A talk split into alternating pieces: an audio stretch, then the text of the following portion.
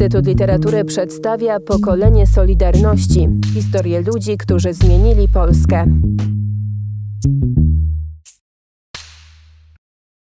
Właśnie doszło do, do tych tragedii, do śmierci Pyjasa, potem jeszcze, jeszcze jednego studenta, czyli takiego Staszka Pietraszki. Bardzo były różne wtedy postawy tych ludzi z uniwersytetu.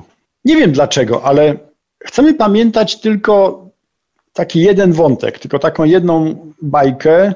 My, oni, czyli my to byliśmy ci mądrzy, wspaniali, a oni to wszyscy byli tacy straszni, bo to komuna, bo to, bo tamto, bo siamto. No ale tak naprawdę na uniwersytecie w tym czasie było już bardzo różnie. Trzeba też sobie zdawać sprawę z tego, że wiele takich ocen czy opinii, do dzisiaj powtarzanych w końcu przez, przez nas, to chyba jest uzależniona dość mocno od tego, jakie się tam miało oceny, jak to tam szły te egzaminy. Jak komuś szły gorzej, to, to też trochę czarniejszy obraz widział tamtej rzeczywistości. Natomiast y, rzadko się podkreśla to, że były takie momenty takie duże, takie fajne, mądre, wielkie. Byli tacy ludzie z kadry, którzy nas wspierali, albo zachęcali, albo przynajmniej jednoznacznie nie przeszkadzali w niczym. Oczywiście byli też inni. To nie jest tak jednoznaczne. Jak się ma 20 lat, to człowiek nie ma tak jeszcze wszystkiego dokładnie poukładane w głowie. Nie miałem jakichś takich tradycji zdecydowanie antykomunistycznych w rodzinie. Byłem pewnie trochę rozpuszczony. Zawsze miałem dużo różnych pomysłów, takich trochę ekstremalnych. Nie bardzo chciałem się uczyć, a miałem dobre oceny. Tak samo było na tych studiach, że właściwie się nie uczyłem, a egzaminy zdawałem, że średnio nigdy nie miałem gorszą niż 4,5. Bardzo się w nic nie angażowałem w czasie tych studiów. Wprowadziliśmy sobie tam z kolegami takie życie trochę bierbanckie. I takie zderzenie było z, z czymś innym właśnie w czasie tych czarnych juwenaliów, czyli wtedy po śmierci Pyjasa.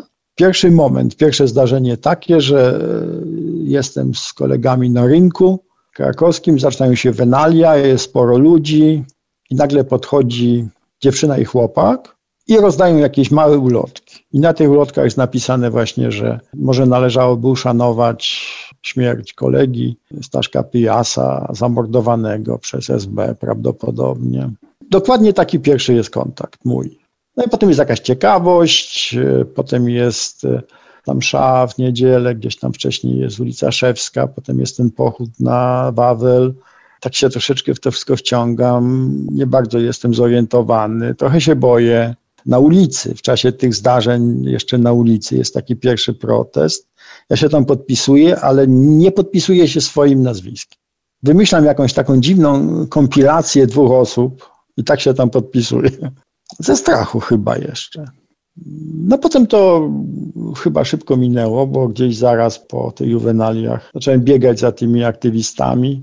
Ja miałem dobre oceny. To była moja siła, bo to właśnie było tak, że jak ktoś nie czuł się najpewniej na uczelni w, w ocenach, to łatwo go było w jakiś sposób na czymś stuknąć, relegować. Zresztą były takie przypadki liczne. Natomiast ja byłem na tyle w komfortowej sytuacji, że miałem bardzo wysoką średnią. I było takie zdarzenie w lecie w roku 77 jeszcze, czyli niedługo po tym maju krakowskim, było takie zdarzenie, że ja sobie stałem na przystanku i na Placu Wolności w Krakowie przyszła dziewczyna, jedna z tej pierwszej dziesiątki tych e, założycieli i, i tak żeśmy chwilę rozmawiali i Joanna mówi, a wiesz, ta komuna to niedługo ją szlak trafi. Nie? No i mi się wydawało, że, że chyba tak, nie? Że chyba ją rzeczywiście szlak trafi i ja naprawdę potem w to bardzo mocno wierzyłem. Byłem do tego przekonany, zacząłem pracować, kilka razy jakieś były zdarzenia, zatrzymywali mnie, coś, potem jakieś rozmówki z dyrektorem, on mnie namawiał, niech pan się zwolni, ja mówiłem, że to proszę mnie wyrzucić, ale to wszystko było w takiej perspektywie, nie takiej, że to całe życie człowiek będzie taki zagoniony, trochę w kozi róg, tylko tak mi się wydawało, że to niedługo będzie jakaś okazja, coś się zmieni. No, tak się zresztą stało. Ale co ciekawe, był rok 97 i była jakaś rocznica powstania SKS-u. W Krakowie było spotkanie towarzyskie i dziennikarka z polityki rozmawiała z różnymi ludźmi. Tak nie bardzo słyszeliśmy, co y, kto mówił, bo to było tam w czasie jakiejś imprezy, więc tak z każdym rozmawiała osobno. I po tym, jak przeczytałem ten artykuł, złapałem się za głowę, bo się okazało, że wszyscy oprócz mnie powiedzieli, że nie wierzyli, że komuna się może szybko zawalić. Ale najciekawsze, że tak samo powiedziała także ta dziewczyna, od której ja się dowiedziałem i ja w to uwierzyłem, że komuna się szybko zawali. Trzeba oddać zasługę tym, którzy byli naprawdę pierwsi. No, dla nich to była jakaś inna, inna motywacja, jakiś inny moment decyzji. Potem tak jak ja, wprawdzie ja szybko do tego przystąpiłem i tak chyba dość intensywnie, ale to już była inna sytuacja. To już było coś takiego, człowiek widział. Widział tych ludzi, widział tutaj tych bezradnych inicjantów, tych bezradnych esbeków. Widział, że im się nic nie stało, włos z głowy im nie spadł w większości, no tam poza tym Pyjasem, prawda, który zginął, ale już potem. I to jakoś tak już wtedy tej grozy nie było, no to było takie, no, to takie fajne, nie? Taka przygoda i do tego pewnie bez jakiegoś takiego strasznego ryzyka. Zresztą potem pamiętam dużo takich sytuacji, jak, jak coś się odbywało i na przykład wchodzili na to SBC, w Krakowie mówię, z interwencją, to wszyscy wybuchali śmiechem. To było śmieszne. Nagle pojawiał się jakiś palant, wyjmował jakąś legitymację i mówił, że on jest porucznik wróbel na przykład. A wszyscy ha, ha, ha, ha. I ja nie byłem odważny. Natomiast jakoś to udawało się tam przełamywać. Jest taki raport tajnego współpracownika SB o pseudonimie Kazimierz. On się nazywał naprawdę Nowak. Nasz kolega, wtedy nie wiedzieliśmy, że to tajny współpracownik. Jest taki jego raport dotyczący pewnych zdarzeń z lata 78 roku. To było tak, że myśmy bardzo wcześnie rano Pojechali we czterech do Nowej Huty rozdawać egzemplarze robotnika, pisma. I to pojechał Bronek Wilstein, pojechał Wojtek Sikora, który do niedawna był przez dobrych kilkanaście lat był kierownikiem Polskiego Instytutu Literackiego w Paryżu, czy pod Paryżem, czy następca Giedroycia. Trzecią osobą był taki chłopak z filologii Łukasz Śwież i ja byłem czwarty. Myśmy sobie pojechali tam na koniec tej nocnej zmiany. Podzieliliśmy się na dwójkami. Ja byłem z Bronkiem, chłopcy byli z sobą i rozdawaliśmy wychodzącym przy bramach, dwóch bramach, rozdawaliśmy te robotniki. I przy tej naszej bramie było spokojnie, przy tej drugiej nagle zrobiły się jakieś krzyki, jakieś cuda i myśmy zobaczyli taką sytuację, że wyskoczyło stamtąd kilku ludzi i tych naszych dwóch kolegów wciągnęli do środka, do bramy tej wyjściowej, z huty, takiej dość rozbudowanej bramy.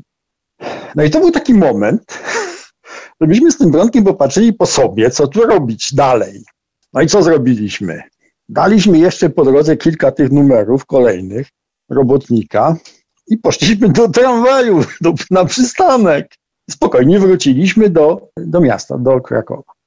Ale jak pisze tajny współpracownik Kazimierz, to w naszym otoczeniu, w naszym środowisku, zaczęła się poważna dyskusja. Czy my nie stchórzyliśmy? Czy my nie powinniśmy bronić naszych kolegów? No i ten Kazimierz, czyli ten Nowak, on tam cytuje rzekomo moją wypowiedź.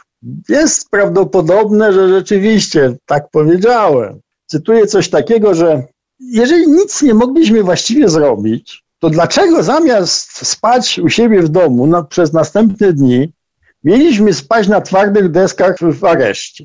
No i to właściwie jest odpowiedź, prawda? Tak jak to, jak to u Herberta. Myśmy mieli odrobinę niezbędnej odwagi.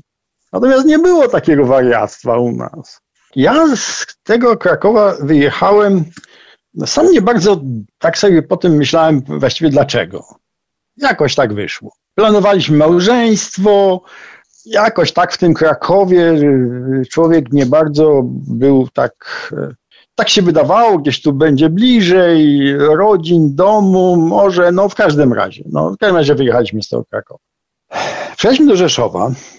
Tu się okazało, że jest tak ciekawie, mianowicie niby jest mnóstwo pracy, ale wystarczy powiedzieć, że kończyło się studia w Krakowie i natychmiast nie było żadnej oferty. Jak się potem już przekonałem, był taki mechanizm, że służby te pracownicze w zakładach, w instytucjach miały wolną rękę wyłącznie dla zatrudnienia absolwentów miejscowych, rzeszowskich. Natomiast jak pojawiali się ludzie z zewnątrz, z większych ośrodków, to proszę sobie wyobrazić, że oni mieli obowiązek zawiadomić SB, która weryfikowała. No i zaczęło się. Ja się starałem pierwszy niż moja przyszła żona i kilka razy się zderzyłem z taką sytuacją. Gdzie poszedłem? Wszędzie jest robota, tylko wie pan, tu pan, niech pan tu złoży papiery, wypełni ankietę, to my panu powiemy, gdzie konkretnie. Wszędzie było mnóstwo roboty, a potem się okazywało, że nie ma. Mnie się udało przypadkiem. To był taki mechanizm, że ja poszedłem do Wydziału Pracy w Urzędzie Wojewódzkim. Ja wiedziałem, że tam nie ma ofert pracy, bo to się działo niżej, ale tak poszedłem zapytać, coś tam się zorientować. I jedna z pań powiedziała mi coś takiego, wie pan, my to tak, my tu nie mamy, my tu nie kierujemy, my to, ale ja słyszałam, że w PKS-ie osobowym, że tam potrzebują kogoś po administracji. Niech pan tam podjedzie i zapyta. Ja przyjechałem do tego PKS-u i powołałem się na ten urząd wojewódzki. I to zostało zrozumiane, że ja jestem wręcz przez ten urząd wojewódzki polecony. Oczywiście wypełniłem tam te ankiety od ręki. Następnego dnia zacząłem pracę, czy tam, no, bo tam akurat nie wypadł, wypadał 1 listopada, ale tak, no prawie. Zacząłem pracować i tydzień po tym przybiegła do mnie pani specjalistka od spraw zatrudnienia, bo to było takie stanowisko oprócz kierownika kadr, z pyskiem. I zaczęła mi zarzucać, że ja ich oszukałem.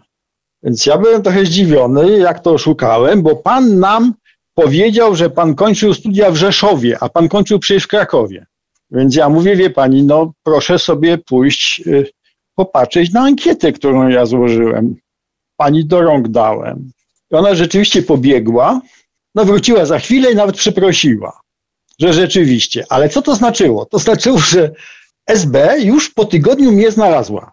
No i już były pytania dla moich pracodawców, dlaczego mnie zatrudnili, nie kontaktując się z nimi. W Rzeszowie to nie było opozycjonistów. I jak tu mnie szanowali SBcy, kiedyś to się nawet zdarzyło coś takiego, że dwaj tacy panowie oficerowie z SB, to oni mi dziękowali wprost w oczy. To było w czasie jednego z zatrzymań, takich na 48 godzin. Ten oficer zatrzymujący mnie wyszedł na chwilę i przywołał jakichś dwóch, których też nie zapamiętałem ich nazwisk, żeby ze mną posiedzieli, czyli żeby mnie pilnowali. No i tak chwilęśmy siedzieli, ja oczywiście tam nie rozmawiałem z nimi i oni w pewnym momencie mi to wprost powiedzieli. Powiedzieli, proszę pana, my nie wiemy, czy to panu szafraniec, to akurat nie był ten, który mnie zatrzymywał, czy on to panu mówił, czy nie, ale my naprawdę jesteśmy panu bardzo wdzięczni. Wie pan, bo myśmy tu nie mieli nic do roboty i to my, taka elita, służba bezpieczeństwa. Proszę sobie wyobrazić, że oni nas co chwilę wysyłali do jakichś wypadków drogowych, a teraz już będzie inaczej. Pokolenie Solidarności. Cykl podcastów przygotowanych przez Instytut Literatury w Krakowie.